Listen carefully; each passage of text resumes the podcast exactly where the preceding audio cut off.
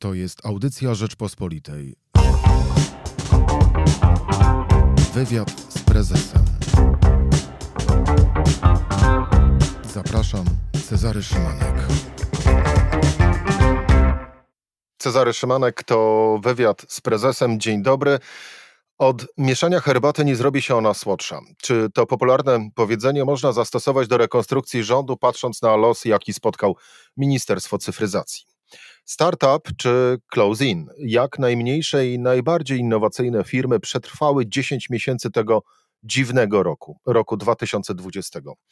Anna Streżyńska, MC Square Innovations, była minister cyfryzacji, była szefowa Urzędu Komunikacji Elektronicznej. Dzień dobry. Dzień dobry. E, od czego zaczynam? Od polityki czy od biznesu? Od polityki zacznijmy, bo ona teraz determinuje rzeczywistość.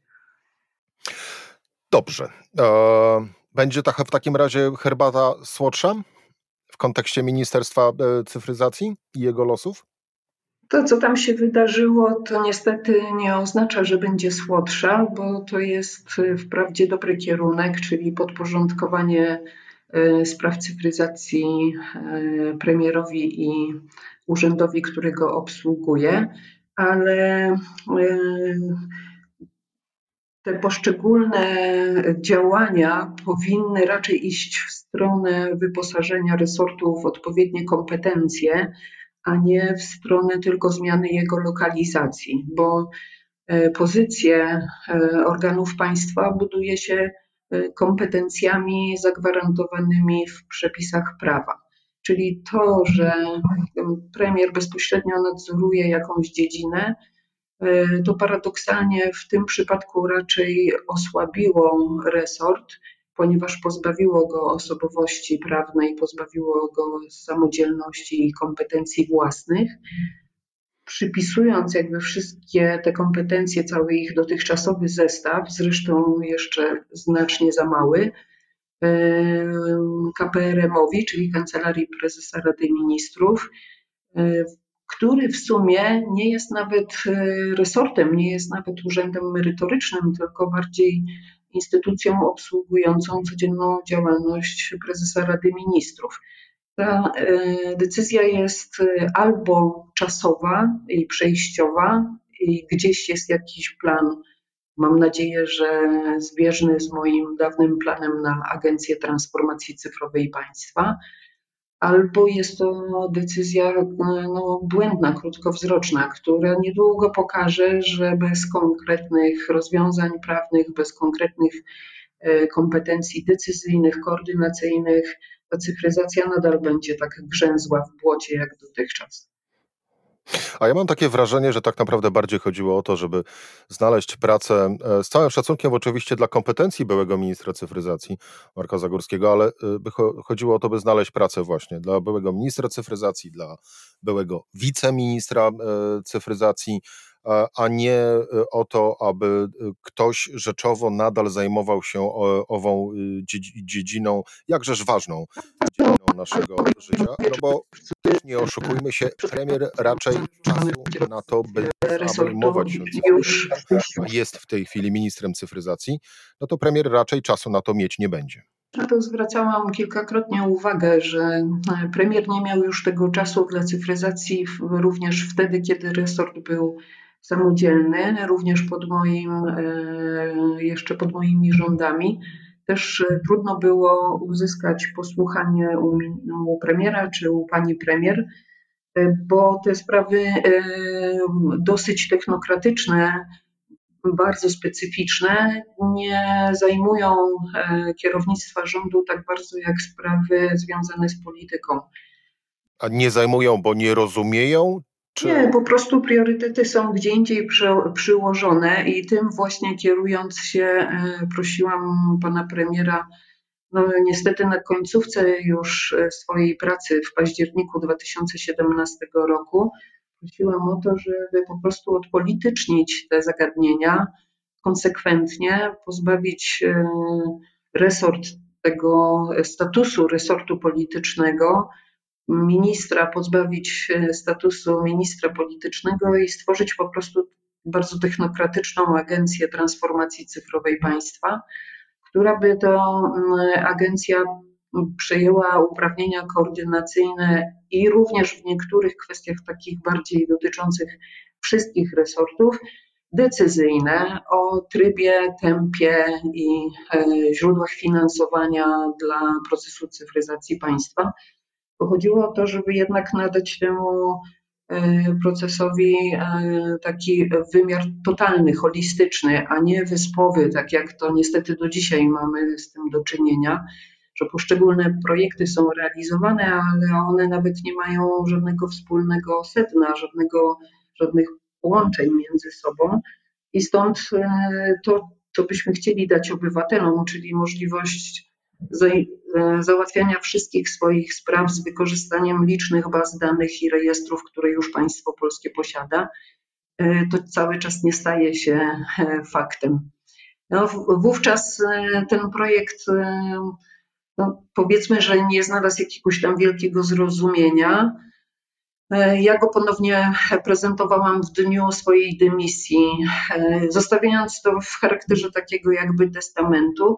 I e, ten ruch, który w tej chwili nastąpił, mam wrażenie, że mógłby być takim przejściowym krokiem na drodze do powstania takiej agencji transformacji cyfrowej państwa, ale na razie jest głęboko niewystarczający i tak z punktu widzenia wszystkich widzów i słuchaczy, no to raczej powoduje, że mówimy, no ale zaraz, teraz w tej epoce, kiedy cyfryzacja pokazuje swoją wysoką użyteczność, kiedy cyfryzacja nas uratowała przed absolutnym nie tylko e, decyzyjnym lockdownem gospodarki, ale takim realnym lockdownem, to cyfryzacja się tak jakby cofa, chowa się E, do jakiegoś urzędu, nawet bardzo ważnego i godnego, ale jednak niemerytorycznego, to nie jest dobry kierunek. Problemem naszych polityków jest to, że oni nigdy nie mówią, co będzie dalej, nie pokazują e, żadnych uzasadnień dla swoich decyzji. Decyzja o likwidacji resortu to nie jest jakaś tam decyzja ad hoc e, drobna w drobnej sprawie powinna być publicznie uzasadniona i pokazany sposób, w jaki te same cele będą osiągnięte w najbliższych miesiącach, latach za pomocą innych niż wcześniej przewidywano środków. Nie doczekaliśmy się tego, no i stąd pewnie wyrażamy dość powszechnie e, zaniepokojenie, nie tylko moje, ale mm, wielu osób, które w e, tym obszarze działają od wielu lat. Ja zawsze e, na takie, takie stwierdzenia, że no właśnie nie zostało to zrobione, nie zostało pokazane, odpowiadam, no bo politycy mogą to zrobić, czyli po prostu nie pokazywać nie, tego, co dalej i nie zastanawiać się nad tym, jaka przed nami, przed nami przyszłość. Ale a propos owej, owej przyszłości, gdybyśmy spróbowali tak w prosty sposób uporządkować konsekwencje. Jeżeli zostanie jak jest teraz. E, czyli ministrem cyfryzacji nadal będzie e, premier, e, będzie dwóch sekretarzy stanu w kancelarii premiera Rady Ministrów, którzy mają się zajmować obszarami cyfryzacji. To trzy takie pierwsze, najbardziej odczuwalne w najbliższej perspektywie, perspektywie konsekwencje to? No, to przede wszystkim no, takie jakby nie do końca dostosowanie sytuacji z cyfryzacją do sytuacji, która nas otacza i związana jest bezpośrednio z bieżącymi problemami, czyli z pandemią. Bo to nie jest tylko kwestia administracji państwowej czy w ogóle publicznej, te braki w cyfryzacji, tylko w tej chwili widzimy, że chociażby ostatnie miesiące, y, letnie miesiące nie doprowadziły do tego, że procesy cyfrowe w edukacji zostały zakończone, a wiadomo było, że będą nam znowu na jesieni potrzebne w związku z przebiegiem y, epidemii koronawirusa. I e, widać wyraźnie, że skupienie na e, takich doraźnych celach związanych z politycznym ogłoszeniem zmniejszenia liczby resortów co koniec końców i tak się okazało fikcją i kosmetyką, to jednocześnie wyłączyło myślenie w obszarze tych zadań, które w tym okresie wakacyjnym należało podjąć i należało wzmocnić, żeby zapewnić funkcjonowanie takich właśnie kluczowych e, dziedzin, jak edukacja, czy zdrowie, czy w ogóle biznes i oczywiście obsługa administracyjna, żeby mm, przygotować się lepiej do bieżących potrzeb związanych z pandemią. Tracimy czas? Tracimy czas, ale druga sprawa to jest e, to, czego e, nie wykonamy, mm, bo nie będzie tego ośrodka koordynacyjnego, centralnego, e, takiego świadomie nastawionego wyłącznie na cyfryzację, czego nie wykonamy, jeśli chodzi o prawdziwe uzdalnienie gospodarki czyli e, zrobienie powiedzmy tego kroku, drugiego kroku, czy powiedzenie B po tym, jak powiedzieliśmy A. Odesłaliśmy ludzi na zdalną pracę i w tej chwili część e, pracowników znowu na zdalną pracę pewnie wróci w związku z tym zaostrzeniem sytuacji zdrowotnej, ale coś, co decyduje o e, powodzeniu tego przedsięwzięcia, czyli pełny cyfrowy obieg informacji, pełna mobilność, E, cyfrowe dokumenty, cyfrowa tożsamość,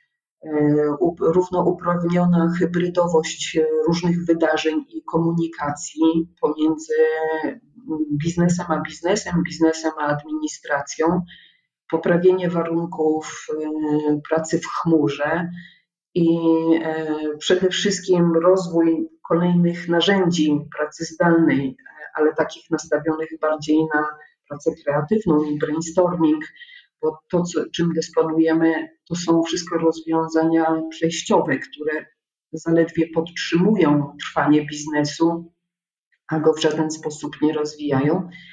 Czyli krótko mówiąc, chodzi mi nie tylko o to, żeby pomóc ludziom nabyć nowe umiejętności, ale żeby po prostu przetworzyć je w nawyki, i żeby jednocześnie doprowadzić do digitalizacji całego otoczenia biznesu, czyli tych wszystkich partnerów, urzędów, instytucji budżetowych, które są obecne cały czas w życiu biznesu. To są zadania, które nie dostały gospodarza nadal. I, a to są warunki takiej prawdziwej transformacji cyfrowej, a nie takiej powierzchownej cyfryzacji, która mm, tylko mm, wyspowo oddziaływuje i pokazuje, że niektóre procesy, a nawet nie całe procesy, tylko niektóre zdarzenia z e, obrotu prawnego są przeniesione do świata cyfrowego, ale one nie tworzą żadnych łańcuchów e, wartości. My, widząc to, co się dzieje dookoła nas, powinniśmy już wykorzystywać cyfryzację nie tylko o E, nie tylko do walki o ciągłość biznesu, czyli o to, żebyśmy wszyscy po prostu nie upadli, ale już wal do walki o przewagi konkurencyjne, normalnie do działalności biznesowej takiej stuprocentowej. I tutaj brakuje lidera. To, ten brak liderowania, brak centrum decyzyjnego będzie głównym e, efektem tej decyzji o zamknięciu resortu cyfryzacji po pięciu latach działania w bardzo trudnych warunkach, kiedy ten resort naprawdę mm, w ustawicznym sporze z innymi resortami, szczególnie resortami siłowymi, jednak dokonał wielu e, pozytywnych zmian i cyfryzacja weszła na stałe do naszego życia, w szczególności do życia obywatelskiego, ułatwiając ludziom e, wykonywanie różnych swoich obowiązków i e, korzystanie z uprawnień.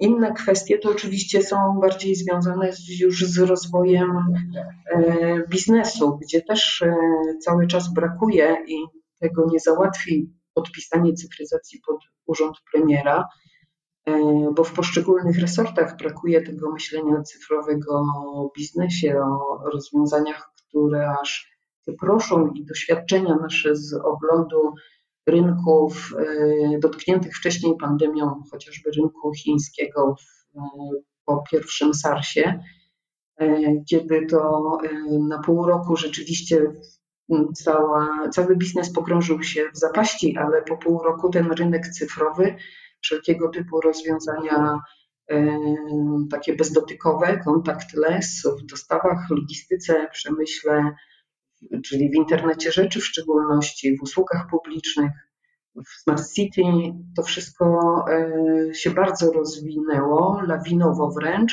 cała gospodarka 4.0, ale tam to było wynikiem świadomych politycznych decyzji, które było komu podejmować i które napędzały gospodarkę, które tworzyły dla tej nowej cyfryzacji, takiej naprawdę dojrzałej cyfryzacji, transformacji cyfrowej, prawdziwe e, warunki działania.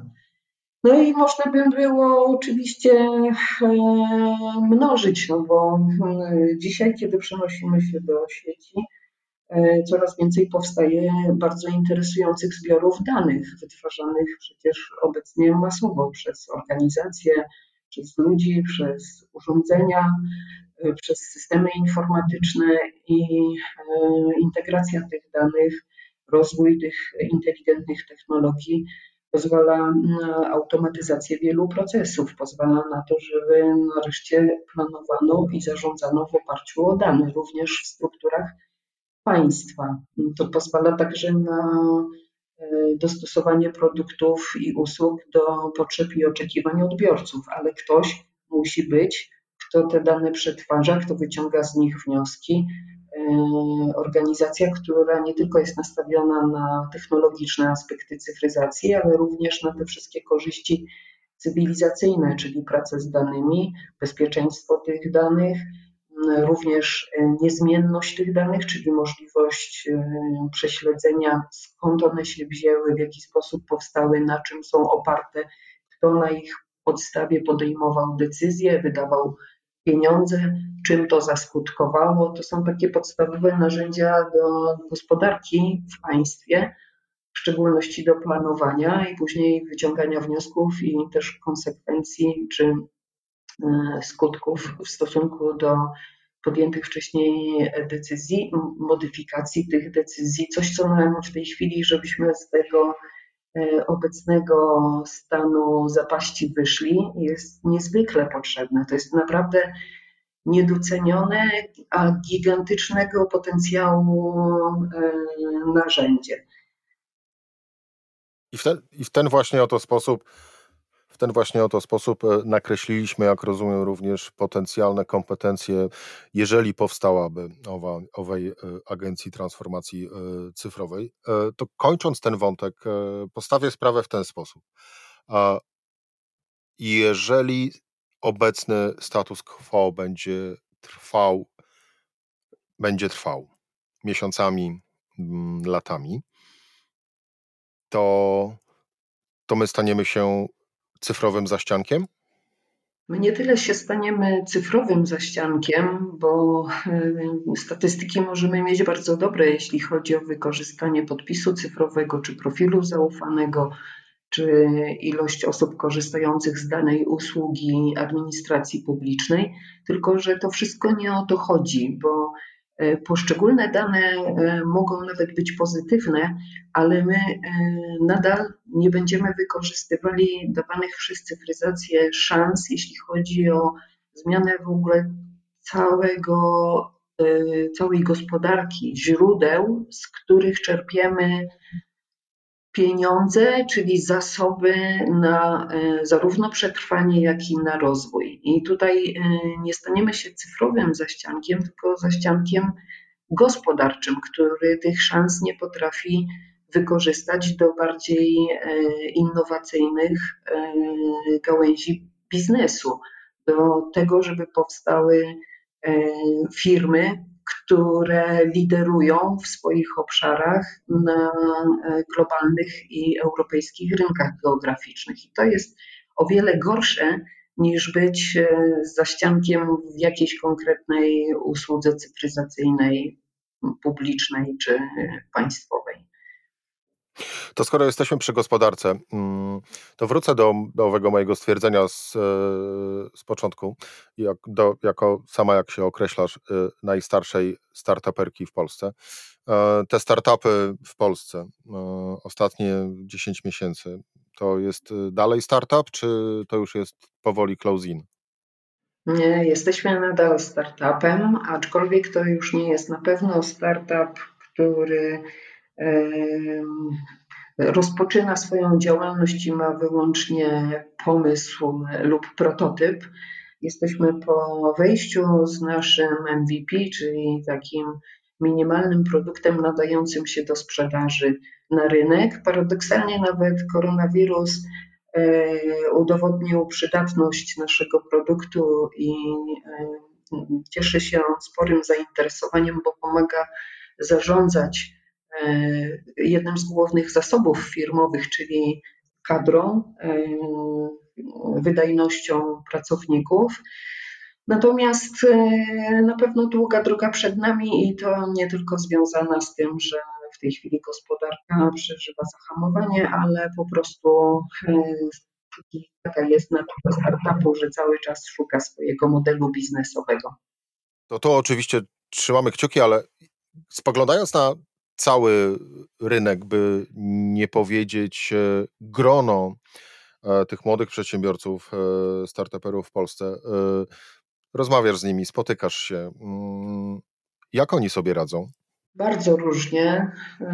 Myślę, że największym problemem jest ta ogólna kondycja naszego rynku inwestycyjnego, gdzie po pierwsze nie przywykliśmy do ryzykownych inwestycji, a startup to ryzyko i każdy nowy innowacyjny pomysł to zawsze ryzyko. I po drugie, e, wszystkie środki finansowe, które zostały dedykowane startupom i innowacjom, są w tej chwili no w zasadzie w, w znacznej, znakomitej większości, dlatego mówię wszystkie, są w rękach funduszy, które szukają raczej oczywistego i łatwego zarobku niż y, inwestowania e, w technologie, które no, niekoniecznie muszą się sprawdzić, lub w modele biznesowe, które są innowacyjne i niekoniecznie muszą się sprawdzić na rynku. W tej chwili na polskim rynku inwestycyjnym takich funduszy ryzykownych czy funduszy gotowych na ryzyko nie ma. W związku z tym cała ogromna ilość wspaniałych pomysłów, które bardzo często tutaj są u mnie prezentowane przez y, młode firmy, ponieważ one szukają pomocy i szukają takiego wsparcia, porady, gdzie można szukać y, inwestora, czy również informacji merytorycznych. Czasami jestem zachwycona pomysłami, które są tutaj prezentowane, i aż się prosi, żeby znalazł się ktoś, kto podejmie ryzyko i oczywiście mm, będzie również kontrolował proces wdrożenia takiego fajnego produktu. Niestety z tym jest e, o wiele słabiej, o wiele gorzej niż na rynkach zachodnich, gdzie ta gotowość e, e, inwestycyjna jest większa.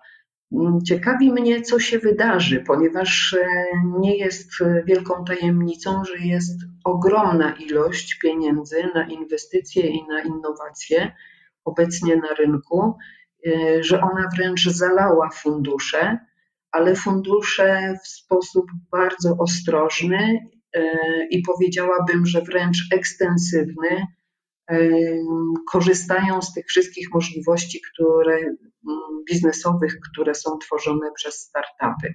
Bardzo ostrożnie podchodzą do tych inwestycji, plasują się najczęściej w tak zwanych modnych technologiach, czyli albo to są jakieś biotechnologie, medyczne technologie, teraz w związku z koronawirusem bardzo intratne i bardzo popularne, sztuczna inteligencja, rozszerzona rzeczywistość, takie, o których zastanawiam się, czy na pewno do końca wiadomo, jaka jest ich użyteczność na tym etapie ich rozwoju. I e, bardzo unikają technologii e, i modeli biznesowych trudniejszych. Mam tu na myśli takie, które są dedykowane sektorowi B2B, czyli biznes dla biznesu. Z tego, co mówisz, znowu wynika, tak jak w przypadku Ministerstwa y, Cyfryzacji, a właściwie mm, jego jakiejś kadłubkowej wersji obecnie, e, tak też w przypadku owych e, młodych, e, innowacyjnych ludzi z pomysłami w głowach, że marnujemy czas, tylko że teraz z kolei marnujemy czas na rynku startupów. Nie chciałabym dzisiaj brzmieć jak zupełny czarnowic, ale Prawda jest taka, że jest 2020 rok, czyli koniec kolejnej perspektywy budżetowej i bardzo trudny okres, jeśli chodzi o planowanie nowej perspektywy budżetowej. Na pewno wiele osób pochyli się nad naszymi wynikami i będzie patrzyło uważnie, środki e, z dotacji unijnych, ale także lokalne pieniądze i biznesu, i polskiego państwa były efektywnie wydatkowane w tym obszarze innowacji, bo przecież jesteśmy co roku e, przedmiotem również wielu analiz i raportów, jeśli chodzi o nasze miejsce w innowacjach, w cyfryzacji, w przedsiębiorczości, mm, nie tylko e, jako administracja, ale także jako biznes. Tu widać, e, jeśli chodzi o środki na innowacje i na startupy, że e, jest bardzo dużo pieniędzy na rynku pochodzących z różnych źródeł publicznych i państwo, publicznych, państwowych i e, prywatnych, również od aniołów biznesu ale sposób, w jaki są wydatkowane, powoduje, że tak samo dużo jest na rynku ciągle głodnych startupów, które na to finansowanie czekają. Nie tylko na finansowanie, ponieważ my wszyscy, czekając na, na finansowanie i na e, fundusze, które e, mogłyby być zainteresowane naszymi pomysłami, projektami, czekamy jeszcze bardziej niż na pieniądze, na, na doradztwo, na kontakty, na wsparcie doświadczeniem. To są tak zwane smart money, czyli y, inteligentne pieniądze, których potrzebujemy, żeby nasze młode biznesy wystartowały z większą szansą na powodzenie na konkretnym rynku. No i jeszcze w tej chwili można powiedzieć, że jest dużo do zrobienia Oczywiście perspektywa budżetowa jest rozliczana przez kilka lat i być może jeszcze te pieniądze będą miały szansę zadziałać, ale 2020 rok to ten rok, w którym e, los wielu startupów się zadecyduje, również e, z powodu kryzysu, który te firmy dotknął. Podsumuję w ten sposób, że trzymajmy kciuki, aby y, przepowiednie, które się y, pojawiły w trakcie naszej rozmowy, jednak się nie sprawdziły. Tak jest, tego sobie należy życzyć. Dokładnie. Anna Streżyńska, MC Square Innovations, była minister cyfryzacji. Bardzo dziękuję za rozmowę. Dziękuję bardzo. Słuchaj więcej na stronie podcasty.rp.pl. Szukaj Rzeczpospolita Audycje w serwisach streamingowych.